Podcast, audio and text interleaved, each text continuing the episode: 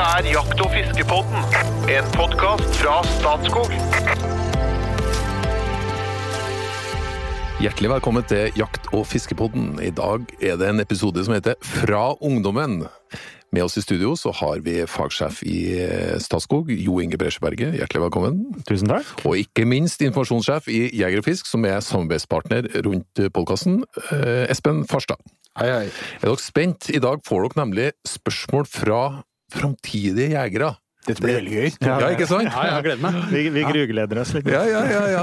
Ja, Vi hadde nemlig besøk eh, fra natur, eh, naturbrukslinja ved Grong videregående skole. Så de kom ned på hovedkontoret til Statskog. Av ordentlig gode, forberedte spørsmål, som eh, Og lytterne kan være helt klar over det, dette er ikke testa på forhånd, så dette kommer brått på ekspertene i studio. Men aller først så skal vi høre litt fra lærerne hva naturbrukslinja faktisk er. I dag har vi besøk fra Grong videregående skole. eh, Friluftslinja, det er andreklassingene. Hvem er det vi har med oss her? Ja, det er Johanne Søsterås fra Grong. Og Sven Åge Domås er lærer på andre året på naturbruk. Hva er det som skjer her i dag? Nei, nå har vi jo vært på hjortejakt på Otterøya, og så kommer vi jo hit på, stats, på besøk til Statskog da, for å stille noen spørsmål i, til podkasten og bli litt bedre kjent med dere. Ja, dere har jo, eh, dere har jo blitt invitert nå til, å- til å komme med noen spørsmål til dem i studio. Hvordan, hvordan har dere jobba med det? Eh, Dem tok vi på når vi var på hjortejakt, så har vi en liten samling. eh, Og så fikk de skrive opp noen spørsmål de lurer på, og så skal vi stille dem videre til ekspertpanelet dere har nå. Ja. Så etter hvert nå skal vi høre, høre på spørsmålene fra ungdommen. Men kan dere si litt sånn, hva, hva gjør dere på en friluftslinje? Hva er, hva er det i forhold til studiespesialisering? Det heter jo naturbruk. Eh, De går på eh, VG2 naturbruk her nå. Eh, I Grong er det ei treårig lin som går på naturbruk, og vi har fokus da på utmark, skog, jakt og litt fiske. Hvor mange elever har fått opplæring på den linja her, da? Cirka? Det må, Men, være, det må jo være flere hundre, da? Ja, det er det. Men vi har fått et kraftig oppsving de siste årene. og eh, I år har vi jo 22 på eh, VG1, og det er 22 på VG2 her. Hvorfor er det bra, da? Eh, Det er jo, må jo skjøtte inn at det er jo, De får jo studiekompetanse når de går til oss. Ja. Så de er jo Det er på en måte en vanlig videregående vanlig skole. videregående ja. skole, Men så får de virkelig dyrka noen hobbyer og interesser her. Ja. Så det er jo det som er plusset. Ja. Og får, jeg regner med de får med seg litt på veien, på en måte. Eh, vi, I i podkasten legger jo vi vekt på at jegere er veldig interessert i ny kunnskap. Så vi har jo veldig flinke jegere i Norge. Men når du starter inn og tar det som en utdanning, så tipper jeg at du får et ordentlig løft i tidlig alder. Har jeg rett? Ja, ingen tvil. Altså, vi ser vi hjemme her eh, gjengen her på sammen med andre eller erfarne jaktlag. og Vi var jo nå på Otterøya sammen med eh, et erfaren jaktlag, og de skryter hemningsløst av holdningene og hvordan de opptrer i terrenget. De er veldig bra. Det var lærerne ved naturbrukslinja, som jeg konsekvent kaller friluftslinja. Det er nok fordi at jeg, ja, jeg er litt belasta på friluft, jakt, fiske og friluftsliv. Men nå skal vi få høre fra sjølve ungdommen. Jeg ble veldig imponert, det kan jeg si. De ble jo bedt om å stille ti spørsmål, men jeg tror nok resultatet ble nok både 14 og 15 spørsmål. Vi starter i en ende. Spørsmål nummer én. Ja, jeg heter Kristian Flaten. Og du går på friluftslinja? Ja, jeg går andreåret. Ja. Landbruk og gartnernæring, som det heter. ja. Har du forberedt et spørsmål? Ja, jeg har forberedt et spørsmål, ja. Uh, vi lurer på hvorfor det, jakt har blitt så dyrt rundt om i landet. For Du ser elgjaktprisene stige på private eiendommer, men Statskog virker som de klarer å holde seg ganske jevnt. Men hva ønsker dere å gjøre for hele tida å være billigst? Det syns jeg var lissepasning til deg, Jo Inge. Vær så god. Ja, tusen takk for den, eh, og takk til Christian. Det var et eh, reflektert og veldig ålreit spørsmål, det må jeg si. Eh, Han nevner jo at eh, jakt har blitt dyr, og det, det kan jo hende han har rett i det. Og at det på Statskog da er billigere jakt. Og det ser vi da at i de fleste tilfeller så skiller vi oss ifra de private. Det er litt av meninga med Statskog. Det skal, være, det skal være åpent for alle, og det skal ikke være like er ekskluderende priser. Det skal ikke ekskludere noen fra jakt. Så vi har faste priser på elgjakta. Han nevner elgjaktpriser her. Og det, det er en del av vår politikk, da. Og vi kunne jo på en del av våre felter hatt mye høyere pris. Men det er verdt at vi skal ha faste priser i prisliste. Om det er et bra terreng eller et dårlig terreng, om det er mye elg eller lite elg, så er det fast prisliste. Og det, den eh, skal være Vi skal, har sagt vi skal ta markedspris, men ikke være prisledende. Så Statskog skal ikke ødelegge markedet for de private. Og samtidig skal det da ikke være ekskluderende i prisene, at de blir for høye. da. Og Det er en balansegang. Og vi ser at en del private terreng er veldig høye priser.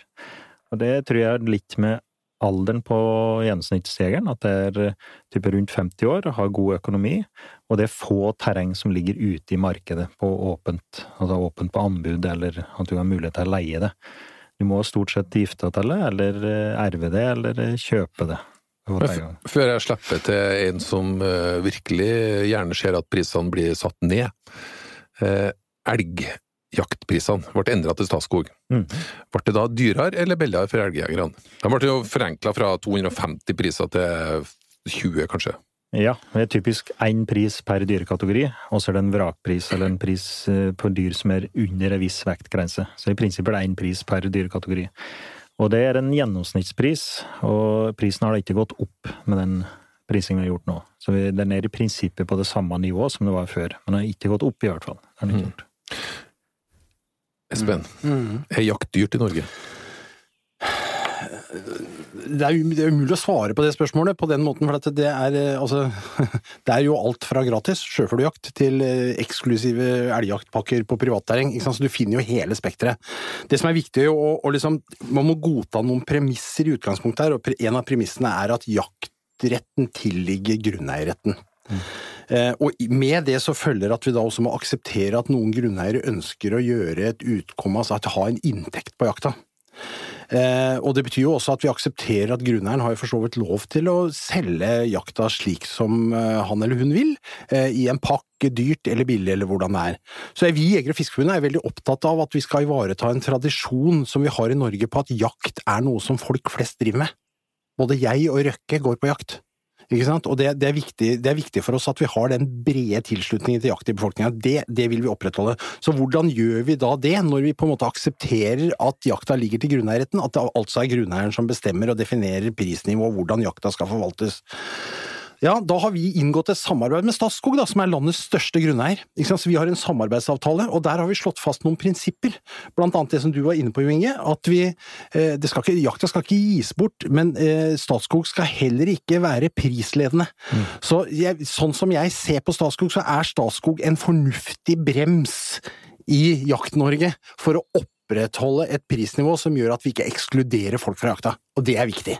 Og så er det veldig viktig da at vi ikke selger unna Statskog-området, privatiserer dette, for da mister vi jo den i anførselstegn kontrollen som vi har på dette. Så, så, det var jo ikke noe svar på spørsmålet om det er dyrt eller billig, for det, det er umulig, men vi gjør det vi kan for å opprettholde jakttilbudet til folk flest, annet gjennom samarbeidsavtalen med Statskog. Så statsgrunn er viktig. Mm. Mm. Bare for å ta den siste, hvis du sammenligner med resten av Europa, øh, ikke USA, men i hvert fall resten av Europa, så er jakt i Norge generelt billig. Mm. Det, dere er jo såpass jaktinteresserte at dere svipper over til Sverige i tillegg, når det ikke er mulig å jakte i Norge. Hvordan er prisene der? På småviltjakt på statens mark så er det jo dyrere i Sverige enn det er i Norge, ja. for eksempel. Mm. Og reise ut til Danmark, der er det anbudprinsippet som gjelder. Så det er voldsomt høye priser på statsmark. Hvis du skal leie storviltjakt, så er det anbud, og da er det høgste budet som vinner. Og Det er jo ikke noe vi kjører på med. Så, så jakt generelt er billig i Norge, og småviltjakt er billig i Norge. Men du finner jo dyr jakt i Norge, så, oh, yes. uten, uten, tvil. Ja, ja. Og de eiendommene som er skikkelig bra, og har, virkelig har noe eksklusivt å tilby, de har vært gjort det i lang tid, mange av de eiendommene. Det er ofte gamle og store eiendommer som har, eh, har tilbudt eksklusiv jakt, eller fiske òg, for den del, i lang tid. Så Det kan du få veldig dyr jakt, men det generelle prisbildet er eh, at det er eh, forholdsvis rimelig. Og kanskje da på storviltjakt han sier at det er, du finner den dyreste jakta, da. Altså at, du, mm. at selv vanlige folk er villige til å betale litt. Ja, du finner jo noen rypejaktterrenger rundt de mest eh, pressområdene rundt hytte, altså Geilo og Øverste Hallingdalen og sånn, hvor folk betaler hundretusener for å ha eksklusivt rypeterreng. Så det fins jo det også. Mm. Ja. Eh, men, det, men, det, er fortsatt mulig å få billig rypejakt i Norge. For de aller fleste, hvis du vil. Hvis du vil reise litt, ja. Men et, et par ting. Eh, Det ene er at det finnes et gratistilbud for førstegangsjeger. Mm. Og det andre er at det er, finnes et ungdomskort, i hvert fall hos Statskog. Mhm. Hva, hva går det ut på? Ja, vi har jo et samarbeid med, med Jeger og Fisk, der vi tilbyr de som har tatt jegerprøven, et gratis jaktkort. Og det har blitt veldig positivt mottatt. Det er et kjempesamarbeid. Og I tillegg så kjører vi halv pris for ungdommer eh, opp til 20 år, og i Troms har vi faktisk kjørt til 25 år. Og der har vi hatt sesongkortet til typisk 250 kroner. Og det er kjempepopulært. Og det er billig også, når du slipper deg hele Troms og du har med ned i Ofoten for 250 kroner på en sesong. Men det er veldig populært, og, og det vil jeg si, det er i hvert fall ikke dyrt. Det er ingen som klager på prisen på det. Men det er et godt spørsmål. Det er jo, og det er jo typisk at det kommer fra, fra et uh, ungdomssegment, ikke sant? for de har jo mindre penger og er jo opptatt av denne biten her sånn. Og det er jo andre ting, ikke sant. Altså, når du er elgjeger, du skal avlegge en skyteprøve. Det koster penger, ikke sant. Du skal ha en ettersøksavtale, må du kanskje betale litt for, og så er det jo alt utstyr, og så, ikke sant? så dette baller jo på seg på en måte. Så det er viktig at vi holder fokus på dette. Så, Vi kunne jo egentlig ha ha hatt et par, et par timer vi nå på spørsmålet til Christian, men nå skal vi gli over på neste spørsmål. Jeg heter Sindre Pedersen Rødås. Og hva er det du lurer mest på? Jeg lurer på hvorfor vi i Norge ikke kan begynne like tidlig som Sverige med småviltjakt. Ja, enkelt og greit spørsmål. Vær så god. Ja, Ja, det er- det er jo ikke lett å svare på sånn uten videre, da. Nei, det her, og- det her er en blanding av politikk og biologi. Eh, vi har startet tidligere, altså til samme datoen. Jeg har jo, vi har jo dere hyttebøkene til Heiberg nede i Njadereim gjennom en år. De skjøt ryper fra 25. august, så vi har jo begynt 25. august vi også, tidligere. Svenskene starter 25. august. 25. august. Jeg regner med at starter man småviltjakta han, 10. eh, han eh, var ute etter. Jeg oppfatter at det var det, i hvert fall. Mhm. Da starter de 25. august, vi starter 10. september. Så biologisk så er det for så vidt ikke noe i veien for å begynne tidligere. Det er veldig høy dødelighet på ryper, eksempel. Veldig høy dødelighet den perioden der. Men det er jo da verdt å sette en dato i Norge til 10. september. Og det er en kombinasjon med at eh, kyllinga da er litt større og ja, eh, det er jo biologiske faktorer som har gjort at vi starter da. Tidligjakta 25. september, det er typisk veldig små kyllinger. Ventivere og August.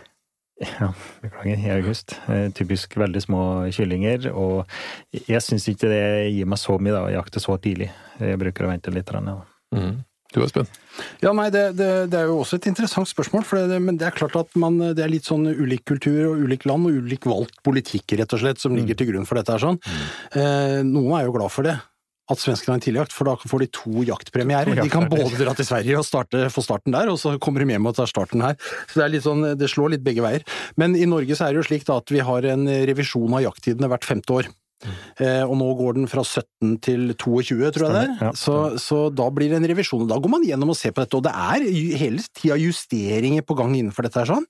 Jeg husker jo at eh, for noen år siden, når jeg begynte å jakte rådyrbukk, så var starten 16. august, nå er det 10. Så det, det, det kan flyttes og endre seg litt. Og klima Mm. Altså Klimaendringer kan komme inn her og gjøre at det biologiske grunnlaget endrer seg litt. Ja, og det er jo ikke statisk. Nei, det er ikke det. det med bukkejakttida har jo flyttet seg. Jeg tror faktisk han var på 21 nå, hvis jeg ikke husker det først, og så 16. og, Det og tror 10. jeg stemmer.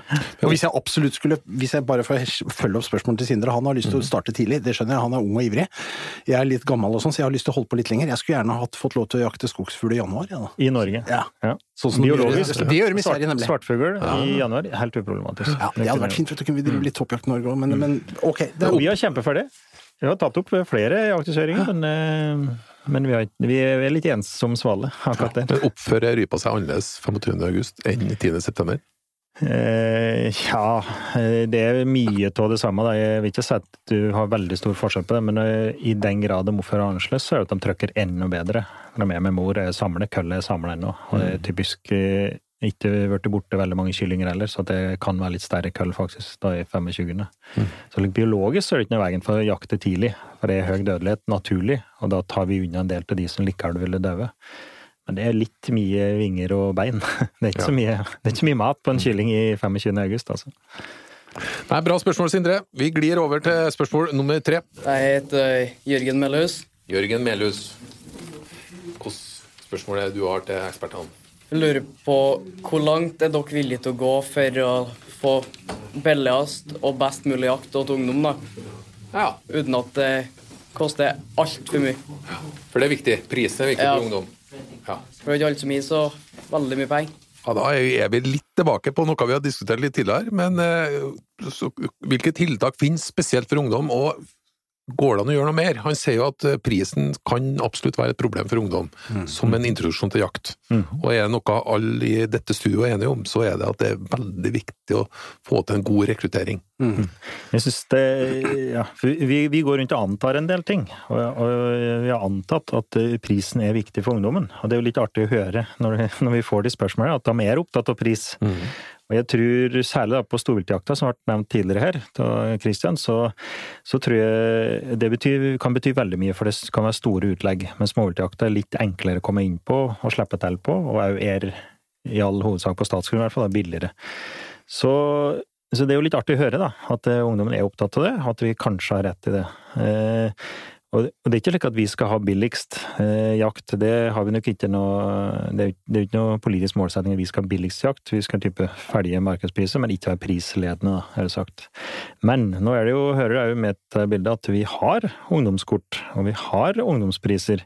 Og det ser vi ikke så ofte hos de store private grunneiere, eksempel, eller eh, hos eh, private grunneiere. Det er ikke alltid til. Men, det har vi, og da var det blant annet det her med det introjakt, altså eller eh, ikke introjakt, men de som har tatt jegerprøver, som får et gratis jaktkort. Og så har vi halv pris da på, på jaktkort for ungdom. Og vi har økt øket den grensa i Troms til 25 år, etter innspill fra Jeger og Fisk. For, Lissepasning, Espen. Ja, Går, det går det det. an å gjøre mer? Ja da, og, ja da, og det gjøres mer også. Og det, Men her er litt sånn eh, at vi er litt klare på rollen her. Sånn. Altså, vi i Jeger og Fisk kan ikke definere prisene på jaktkort i Norge. Vi kan gjøre avtalen med Statskog om at vi skal prøve å holde det lavt, liksom, men selv når det kommer til prissettinga, så er det jo dere som bestemmer over det. Og de private grunneierne likeså. Jeg er helt enig med Jo Inge. Vi kan oppfordre flere av de private grunneierne om å også se på eh, rimeligere tilbud til unge jegere som et rekrutteringstiltak. Eh, og det er jo, eh, det er jo inntekt til eget erverv, eller hva det heter, egentlig det. For de vil jo komme igjen seinere. I tillegg så er det slik at hvis du knytter deg til jeger- og fiskmiljø, eh, og det må man jo som jeger selvfølgelig gjøre, så er det jo ofte rimeligere pris for ungene på skytebanene, for eksempel. For ungdom på skytebaner. Eh, Vi har introjakttilbud. Vi har jo flere hundre tilbud om introjakt, som jo er enten gratis eller til en veldig, veldig lav pris for å invitere folk inn. Eh, Og ofte så er det jo også lavere pris på jaktterrenget som jeger og fisk eventuelt disponerer, for det er jo en del av våre foreninger som har det.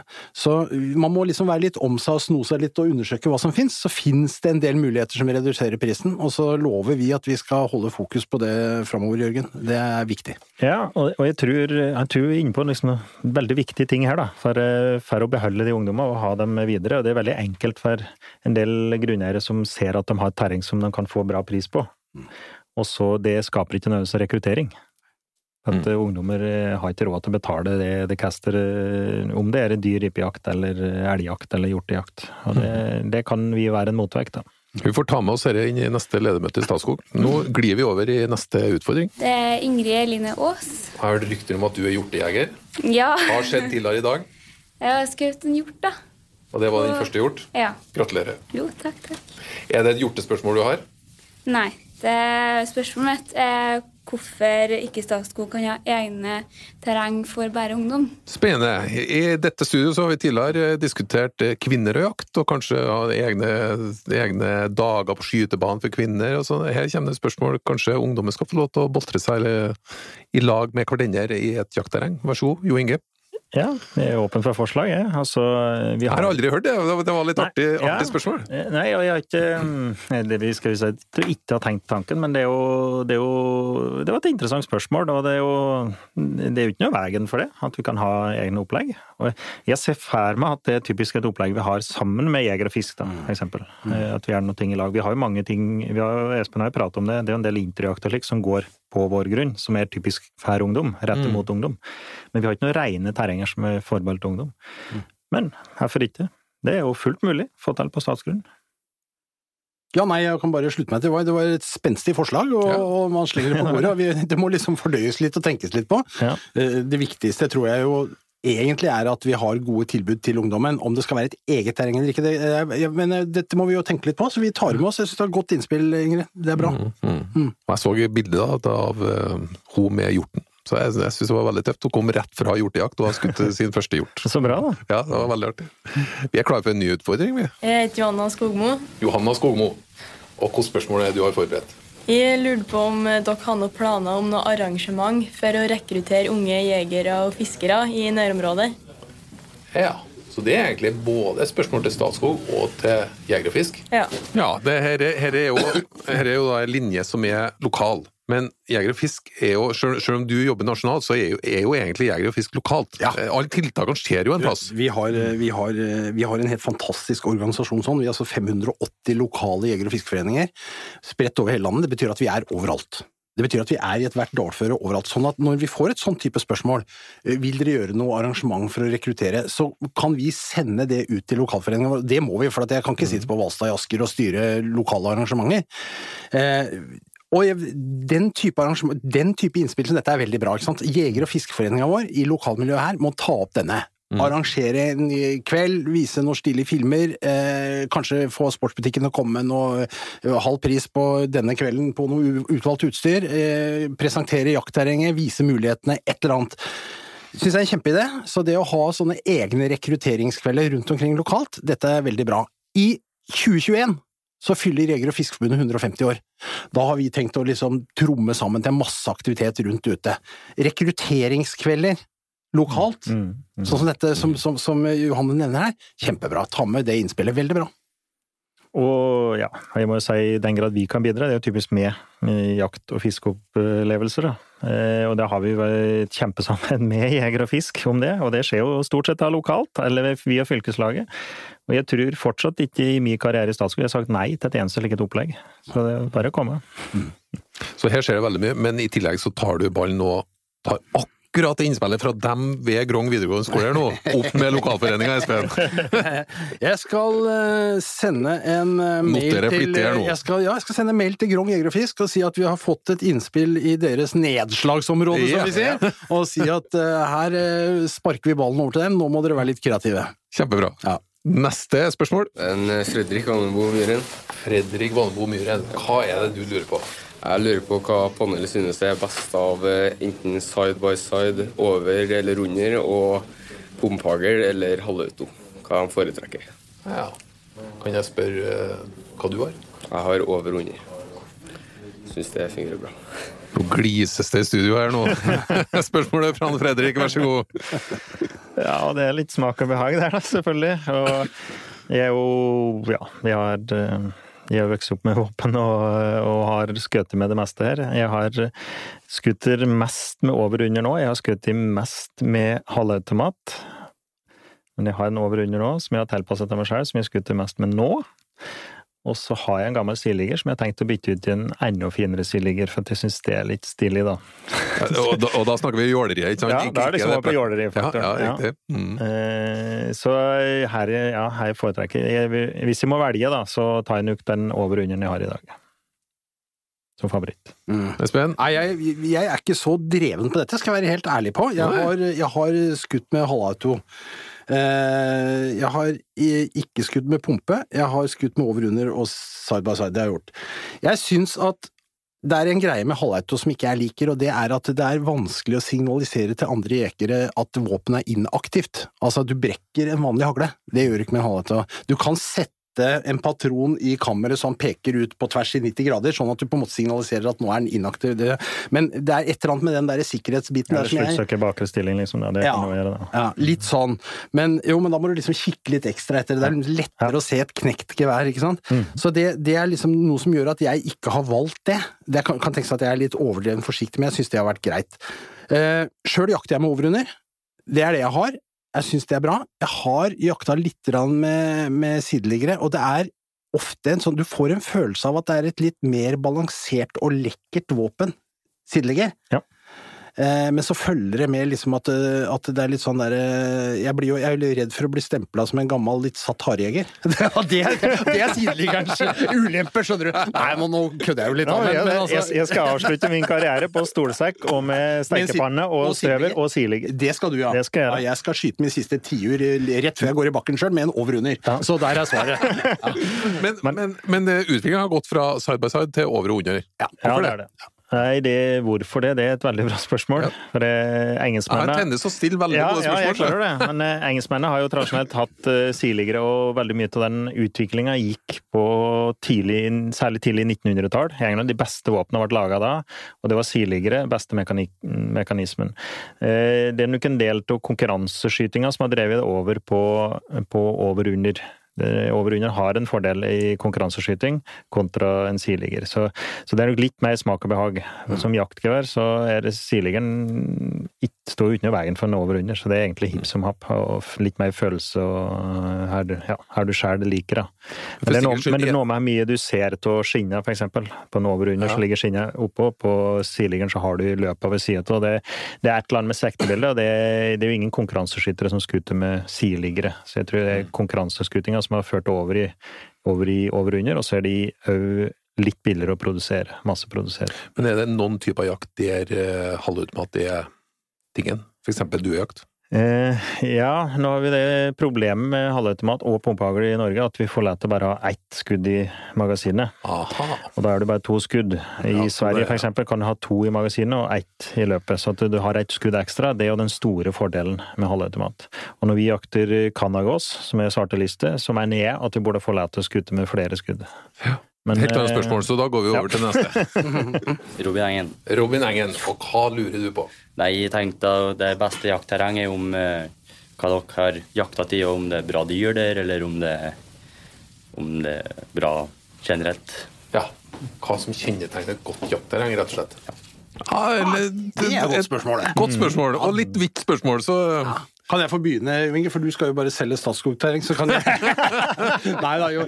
Du, ja, det, det der er så interessant, det spørsmålet der. Robin, dette var et veldig godt spørsmål, fordi at jeg reiser hvert år en uke til Sverige for å jakte skogsfugl. Ikke fordi at det er så veldig mye mer skogsfugl der, men det er så fint terreng å gå i. Og nå sier du mitt poeng. Ja, men da er vi jo enige, da, jo Inge. Ja. Det å gå i fin skog.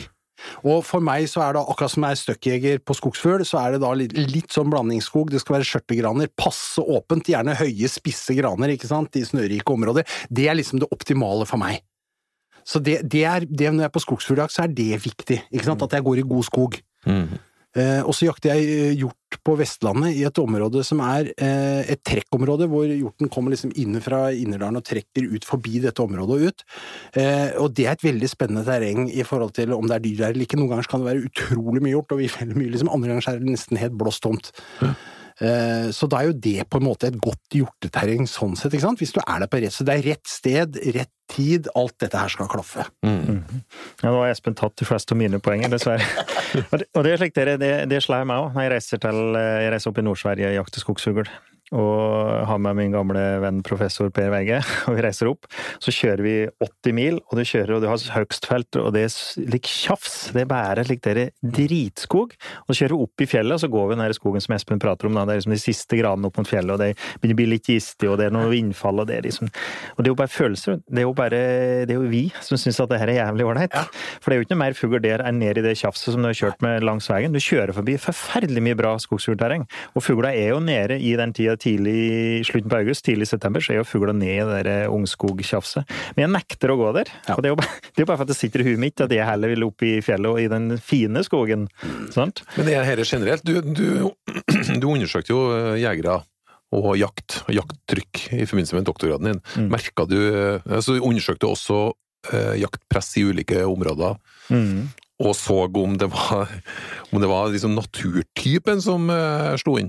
Eh, Ja, vi gjorde faktisk det, og finner jo at det høyeste høyest jakttrykk Det var på ryper, da. høyeste Høyest jakttrykk der det er slake lier. Det er ikke veldig stor variasjon. Det er mer slake lier.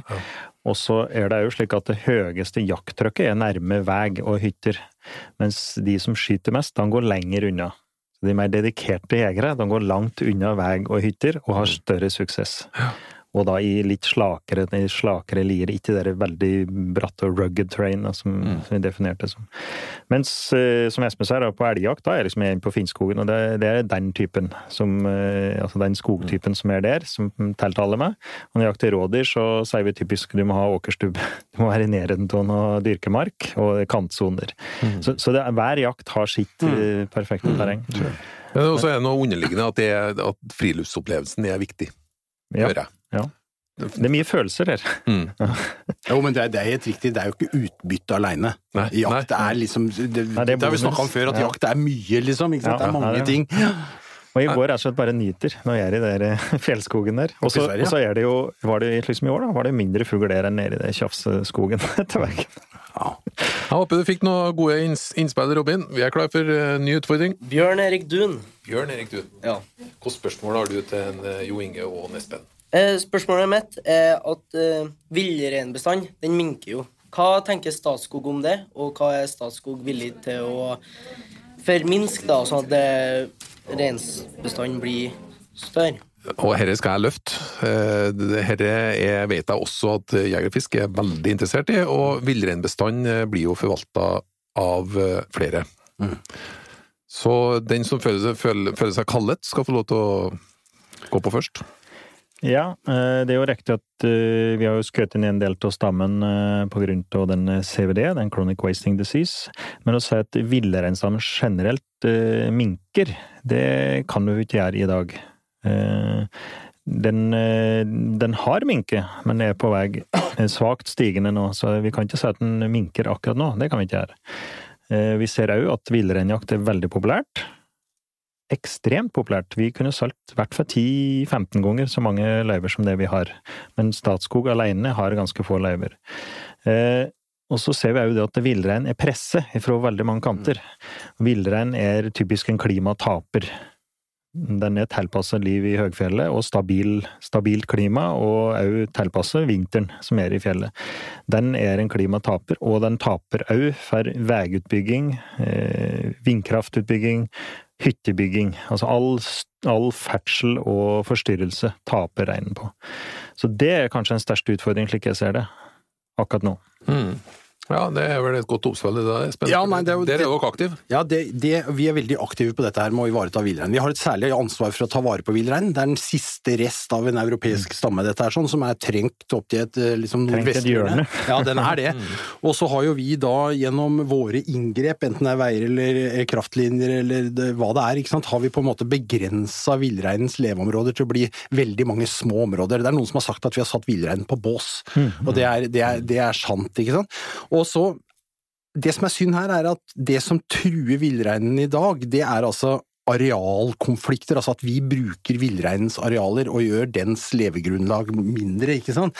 Og det er en sånn bit-for-bit-utbygging. Tas litt her og så tas litt der. Jo, men jeg skal bare bygge litt mer på hytta mi, og jeg skal bare ha og så videre, ikke sant. Bare skiløype, eller bare turløype, eller Summen av dette blir mye. Men, men her er det jo da viktig at vi står opp og tar noen viktige kamper. Så Bjørn Erik, eh, vi i Jeger og Fisk er f.eks. veldig opptatt av at vi ikke skal eh, ha etablere landbaserte vindkraftanlegg i urørt natur i Norge. Det kan vi ikke ha noe av.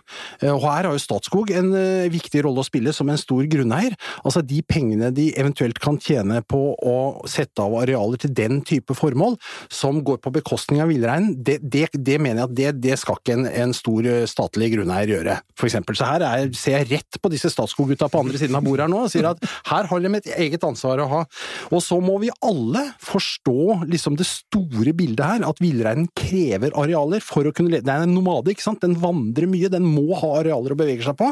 Hvis vi innskrenker disse områdene, så kommer vi til å få en redusering av villreinbestandene. Og det, det, vi har noen forpliktelser her om å ta vare på dette. Det er nøkkelart. Dette er urarten, ikke sant? Det var denne som gjorde at vi kom til Norge for 10 000 år siden. Vi fulgte etter dette dyret. Nå skal vi ikke utrydde det ved å drive dårlig arealforvaltning. Så Det er et kjempebra spørsmål, da. Ja, veldig godt spørsmål. Og, og, og han har et poeng, at eh, den nasjonale, eh, den overordnede eh, ansvaret for eh, villrein, føler jeg at vi har sviktet litt.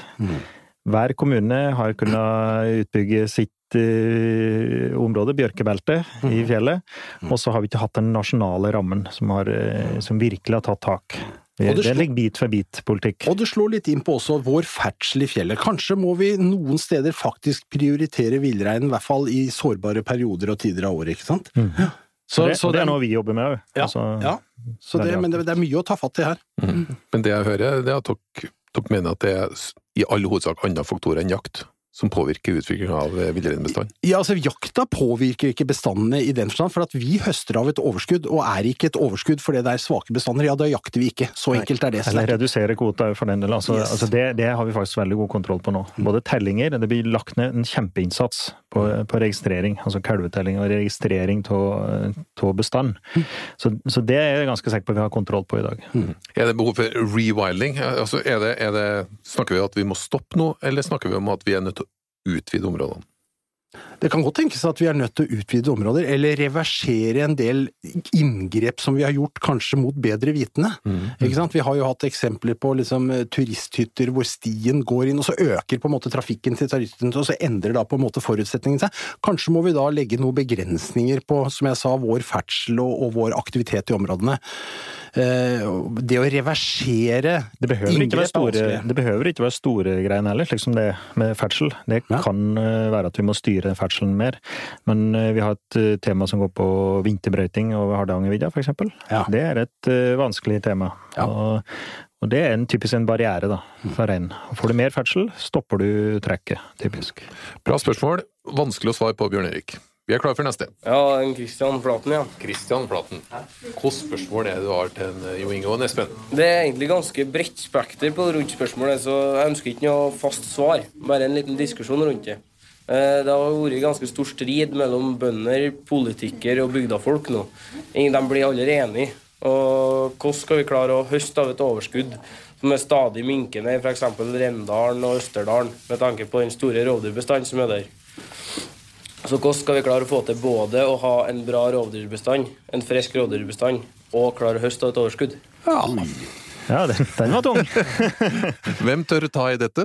Jo, nei, vi kan godt ta i det. Eh, vi kan godt ta i det. Vi, han stiller spørsmålet til slutt hvordan kan vi uh, opprettholde en eh, rovdyrbestand og samtidig et overskudd som vi kan høste av. Ikke Ja, sant? Det, det var vel egentlig to, og Ja. det er et veldig, veldig godt spørsmål, det- og det er en balansegang. Nei, så det, der, Ja takk, begge deler. Ja, det, det er litt ja takk, begge deler, og vi må klare å få til det. Nå har vi jo liksom eh, rovviltprioriterte områder, eh, hvor rovviltet da litt på en måte skal ha eh, førsterangen på å være. Eh, I gitte bestander, da, det må jo si det, for det er jo satt nasjonale bestandsmål, sånn at eh, det betyr ikke at det skal være urørt, de rovviltbestandene som er eksempel altså en ulve innenfor ulvesonen. Vi skal fremdeles kunne ta ut og høste av, av ulvebestanden nå, men det er klart at dette påvirker for eksempel elgbestandene, og det er jo dumt at jeg skal sitte og svare på det, for Jo Inge, du bor jo midt oppi dette, du! Ja, jeg er faktisk ærlig. Jeg vil si jeg bor på utsiden, for det er jo noen politiske skillelinjer her. da. Jeg bor på vestsida av Glomma, ut, på utsiden. Jeg bor helt på kommunegrensa, og har noen hundre meter til nabokommunen. Det er på innsiden, men fortsatt på vestsida av Her går det noen politiske skillelinjer som, som ulven ikke ser, da. Men eh, og, og, og det her er veldig vanskelig, og det er som sier, vi klarer ikke å gi noe godt svar på det. Men det jeg vet som forvalter, er at det er forferdelig mye enklere å forvalte elg uten ulv.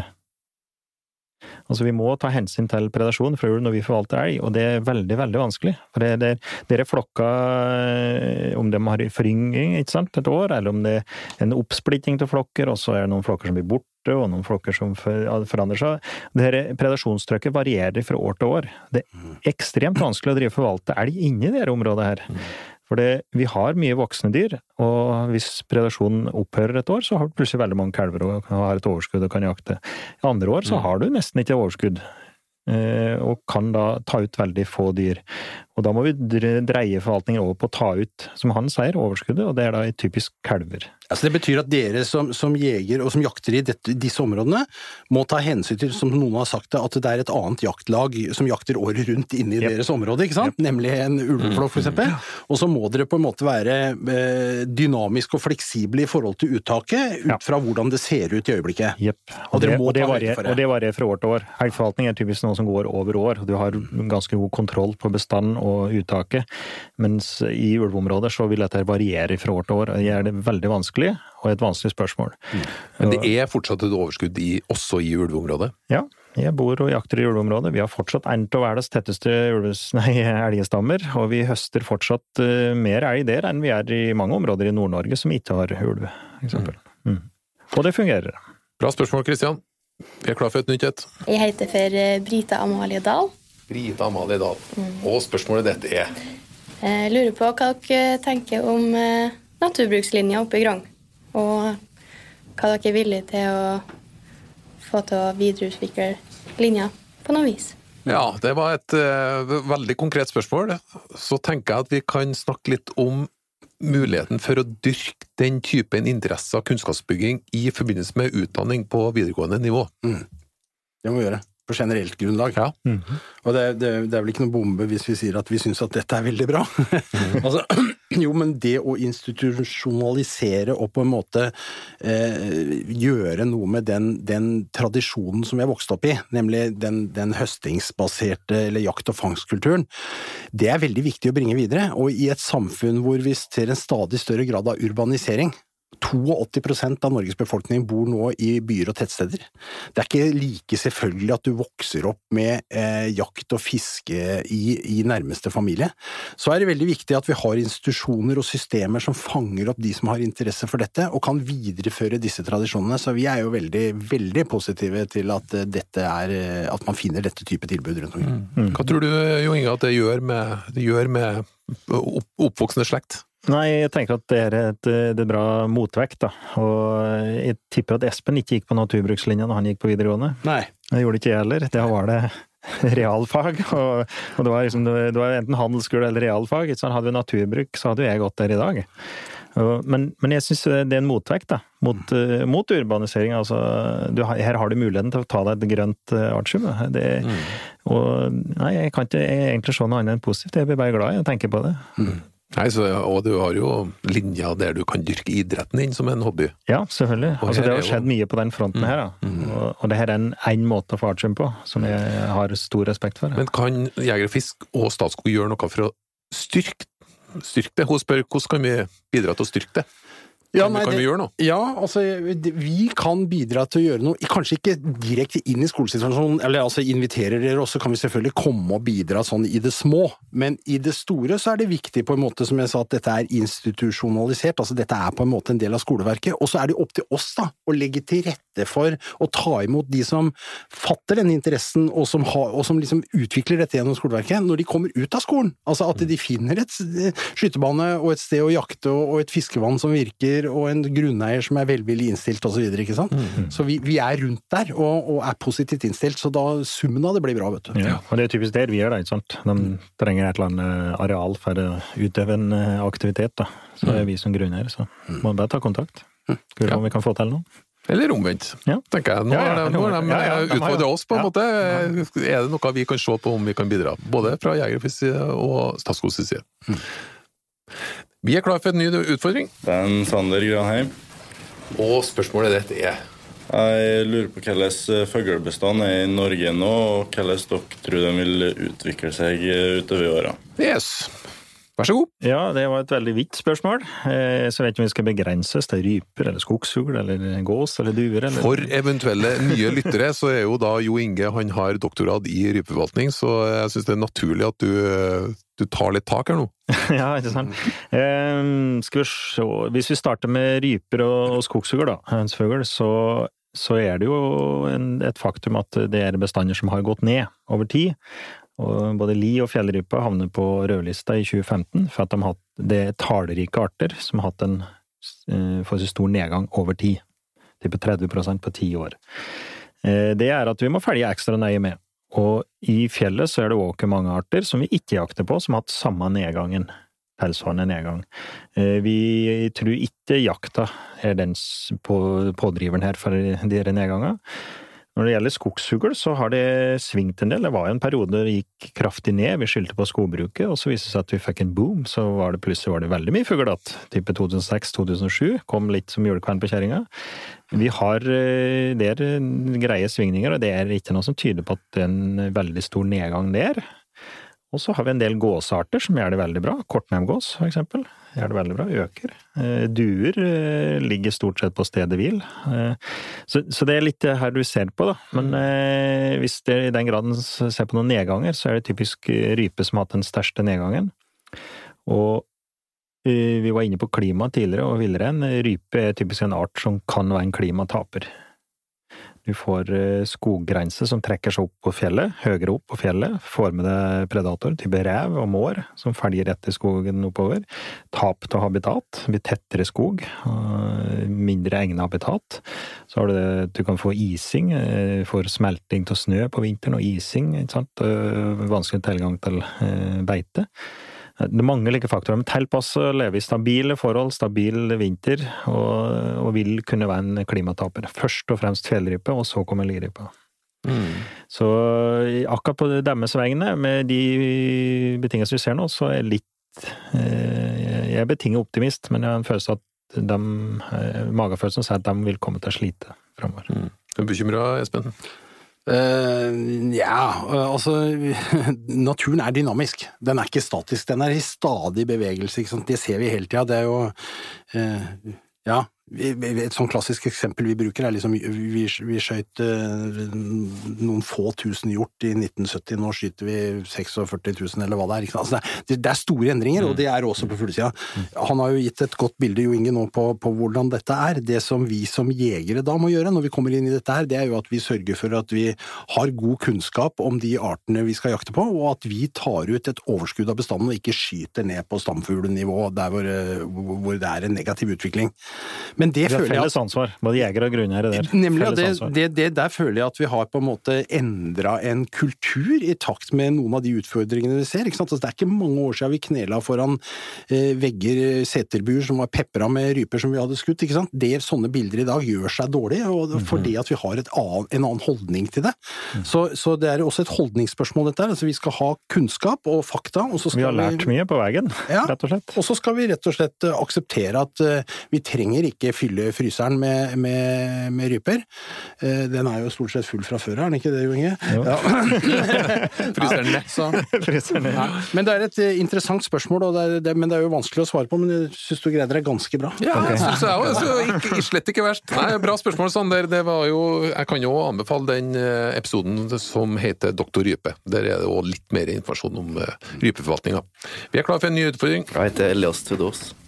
Og du har forberedt et spørsmål til karene som er i studio her. Ja, jeg lurer på hva dere mener om lyddemper på hagl, med tanke på hvordan balansen på hagla blir, og vekt, og da at den blir veldig lang. Ja. Bare lite ekstraspørsmål. Mm. Bruker du det sjøl? Nei, men jeg vurderer å kjøpe det, men jeg vet ikke helt hvordan det blir å skjøte med. Ok, nå så ønsker en Elias gode råd her. Ja, eh, det har jo kommet lyddemper på hagle. Det har vært en liten stand på eh, kunne fått til eh, enkelløper eller overunder. Nå er det typisk en lyddemper du setter på halvautomat eller enkelløpe hagle. Halvautomat eller pumpehagle. Eh, Det har ikke blitt veldig populært, og det er jo en stor, tung eh, kladd du skal sette på i enda på hagla di. Så jeg vil heller anbefale å bruke aktiv hørselvern, hørselvern med støydemping. Eh, Det er jeg sjøl, jeg har ganske heftig tinnitus.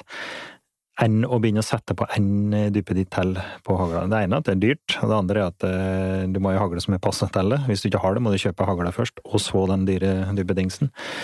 Og ja, det ødelegger balansen i hagla di, garantert. Fordi den er forholdsvis tung, og du setter den i enda på løpet. Du forandrer tyngdepunktet på hagla di. Så hvis du ikke har noen veldig presserende grunner for at du skal ha det, så vil jeg heller anbefale å bruke hørselvern, og finne at det smeller til hagla di. Dagens klareste svar. Har du noe å legge til, Espen? Nei, Jeg er jo også skeptisk til å legge den på hagla mi, for jeg tror at det vil ødelegge mye av balansen i, i skyteøyeblikket, så jeg er skeptisk til den. Eh, og så har ikke jeg tinnitus, eh, så jeg jakter jo Jeg har ikke det. Det er mange jegere som plages med dette her. Altså, Ja, det er det. det der med, med, med litt dårlig hørsel kommer jo etter hvert, da, men, men det men, men det å gå med aktivt hørselvern når du jakter støkk på fugl Jeg klarer ikke det, Han eller? for jakter med hund, vet du. ja, ikke sant, der har vi forskjellen. For jeg er avhengig av å høre oppflukten og øyeblikkelig stedbestemme det ved hjelp av øra mine. På aktiv så, så mister du på en måte litt den der retningsdimensjonen. Sånn at, eh, men nå havna vi over en annen diskusjon, egentlig. Altså, jeg går med hagla mi uten, eh, uten demper og uten noe på øra. Han går med på øra. vi, prater med, vi prater om siligger i stad. Jeg ser for meg en pen siligger som jeg skal avslutte min jaktkarriere med, som sagt. Så Jeg ville aldri finne på å putte på en eller annen lyddemper eller noe på den. Det er jo helt uaktuelt. Og det med aktiv hørselvern Jeg har, jeg har formstøpte hørselvern som jeg putter inn i øra. Det rasler for mye, akkurat som et eh, høreapparat som du trer inn i øra, og som demper da skadelig lyd. Det rasler for mye. Jeg sliter med å få for mye støy ned fra bakken. Mens aktiv hørselvern, jeg har tvinger meg sjøl til å bruke dem, så jeg skader det venstre øret. Og det med trening, de gode hørslene, fungerer helt utmerket. Jeg klarer eh, å gå støkkjakt med dem. Jeg klarer å oppfatte hvor fuglen er, og letter, og er like rask som før. Så det er mer en treningssak. Men det, det, du må tvinge deg til det, og du må bli vant med det. Stor skepsis til lyddemper på hagle i studio. Vi er klar for utfordring nummer 13. Jørgen Melhus. Jørgen Melhus. Og ditt spørsmål er Jeg lurer på hvordan dere stiller dere til eh, vindmølledebatten som pågår nå. Hva deres synspunkt på det, og hvorfor? Ja. Ja, det å jegere fisk har et veldig klart standpunkt, så Espen kan få dra opp uh, ballet. Det kan jeg gjøre. Eh, og det standpunktet er eh, at vi sier nei takk til eh, utbygging av norsk natur med, med vindmøller, eller vindkraftverk, eller vindturbiner som vi skulle kalle det. For at dette er ikke en hyggelig liten dansk vindmølle som blir plassert oppe. Dette er formidable industrianlegg på flere hundre meters høyde som plasseres ute i naturen, og som krever en infrastruktur rundt selve vindmøllene, eh, med veier og alt det som trengs rundt er sånn, sånn at dette er ganske ødeleggende for de områdene hvor dette blir lagt inn, ikke minst med tanke på jakt og fiske. Og så har vi da liksom det store bildet, det skal vi alltid ha med oss, det er jo at vi har to store utfordringer i verden nå. Og nå snakker jeg om i verden, ikke sant? det er klima, og så er det nedbygging av natur og tap av biologisk mangfold. Og inn i dette så må vi se dette, vi snakka om det litt før i forhold til villreinen, at vi har en bit-for-bit-nedbygging av norsk natur. Dette blir en formidabel bit-for-bit-nedbygging i så fall, så fra vårt ståsted så er svaret på det framtidige energibehovet vi har, at vi må drive med havvinder, og ta, ikke bruke norsk uberørt natur til den type industriproduksjon. Det var klare ord for begge. Ja. Jo Inge har Du ser på meg nå. Eh, som, som Det kan hende at jeg legger til noe i det. Ja, ikke sant? Nei, Som jeger og forvalter så er jo, er jo skjønt enig med Espen, og vi vet fortsatt ikke helt konsekvensen av de her vindmølleparkene. På villrein er vi rimelig sikre på at eh, det er negativt, og det er jo forske mot tamrein òg, som òg reagerer på eh, kraftutbygging. Ikke så sterk grad som villrein. Eh, Når det gjelder ryper og skogsfugl, ikke minst, som blir jo lagt i skogsområder, som de gjør i Sverige, så er ikke nødvendigvis det at eh, du får veldig mange fugler som blir drept i dere turbiner og blir ødelagt, men du får en forstyrrelse, du får en lavfrekvent lyd, og du får et mer eller mindre et industriområde. Så er ferdselen og selve området som blir en, eh, blir en forstyrrende faktor, og som da viltet, da, de her eh, fugleartene vil sky, da. Eh, Og det, og, det, er litt vanskeligere å måle. Det typisk det kan gå utover en leik, eller det kan gå utover rett og slett leveområder, at du får en buffer rundt disse vindmølleparkene som, de- som de unngår å bruke. Mm. Da vil det være tap til habitat. Og det som Espen sier, er en av de viktigste utfordringene våre i dag. Men eh, så er det jo et politisk spørsmål, og det kan gjerne du svare på. Nei, jeg kan jo legge til øh, Statskog er jo et 100% statseid selskap. Og dersom overordna myndighet ønsker å bygge ut øh, vindkraft på land, så det, kan det framstå litt spesielt at man sier at det skal skje, men det skal ikke skje på statens grunn, utelukkende på privat grunn. Så klart at vi er, vi er nok som øh, statsselskap, så er nok vi nødt til å legge til rette for at overordna myndighet sin vedtatte politikk kan gjennomføres. Det vil si at Statskog har egentlig ikke generelt noen mening om vindkraft, bortsett fra at vi bruker fagkompetansen vår knytta til jakt, fiske og friluftsliv, og mene noe om den enkelte utbygging. Men nå er det jo ganske heftig politikkdannelse som er på gang, og vi ser jo at eh, det har gjort en ganske kraftig motvind. Akkurat nå så er det en del motvind, og du har den, ramme, den rammediskusjonen om du skal ha enkelte områder som er mer egnet for utbygging, og at man ikke skal ha utbygging en plass.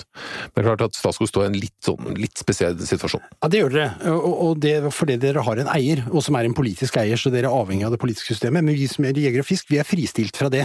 Og vi vil jo eh, tvert om påpeke at Statskog har et særlig ansvar for å ivareta store naturområder, med tanke på at de har et, eh, de har et oppdrag.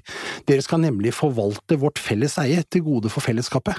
Eh, og med det vi nevnte i stad om uh, uh, liksom arter og biologisk mangfold og det å ivareta natur, så er det klart at dere har en særlig viktig rolle i å bevare disse områdene uberørt fra sånne industriinngrep. Så, så, men det skal jo ikke si til dere, det skal jo jeg si til politisk ledelse i departementet, som er styrende på dere.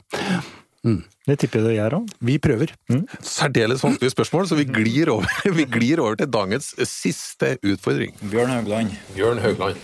Hva er det du, hvilke utfordringer har du til panelet? Jeg lurer på hva som er panelets mest intense eller spennende jaktøyeblikk.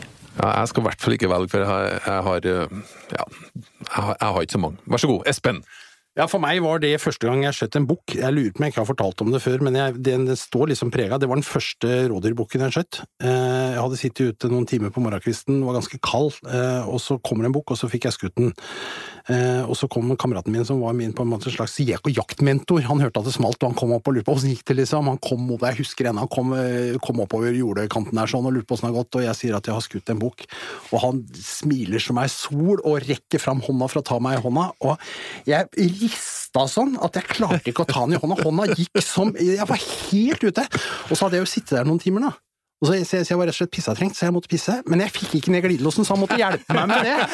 Der, og, og dette er helt sant, altså! Det, det, det, var, det var sterke ting, altså. Det var sterke ting. Ja. ja, skal toppe, toppe den, da. Jeg har, jeg har, veldig mange opplevelser, ja, det så, liksom, så det er litt vanskelig. Og det kan like godt være de noen ganger jeg har bomma. Altså, jeg skjøt dublé på tiur en gang, og bomma på den tredje, for eksempel. Det kommer jeg aldri til å glemme. Det var en veldig intens opplevelse, det må jeg innrømme. Det, da var jeg Ja, det var veldig spesielt. Da var du i Sverige? Da var jeg i Sverige. Ja, Siden du hadde tre skudd i Nei, jeg hadde Ladum, da. Oh, ja. Likevel. Det var lavt med tre der, jeg hadde halvautomaten. Ja. Ja. Eh, men jeg tror kanskje den mest intense var eh, bukkejakt, ja. Eh, det var min første bukk, og jeg hadde brukt type én time på å snike 300 meter i sokkelesten, og det var liksom alt, og gjort det til alle kunstens regler. Jeg hadde laga meg ei, et lite jakttårn. Så, så svar vi over i jakttårnet til morgenen etterpå, altså til 10. august. Og der kom, kom det en bok, og jeg skrev denne boken, og det var jo ikke den jeg skulle ha, den jeg hadde sett meg ut. Det var ikke den jeg skulle ha, det var en bitte liten bok som kom. Og jeg var så glad, ikke sant. Jeg hadde skrevet min første bok og var helt oppe å kjøre, vet du. Det var fullstendig akkurat som Espen. Jeg, var, jeg, jeg skalv i hele skretten.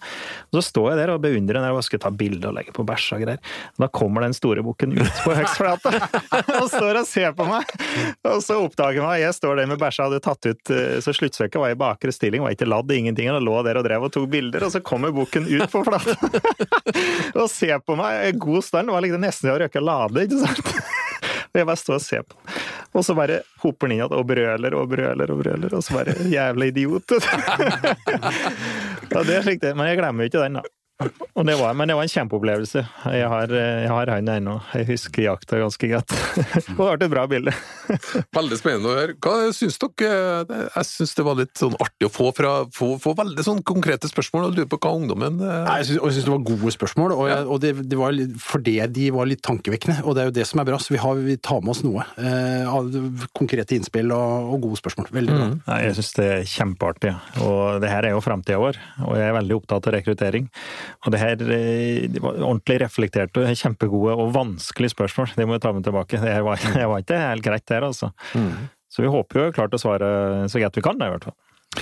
Tusen takk til elevene ved Naturbruk ved Grong videregående skole. Hvis du som lytter har et godt tips som du burde dele med andre jegere og fiskere, så kan vi lese opp det her i studio. Du kan sende det på e-post til oss, jakt- og fiskebåten statskog.no, eller send en melding via Facebook-sidene våre. Hjertelig velkommen tilbake til nye episoder i Jakt- og fiskebåten.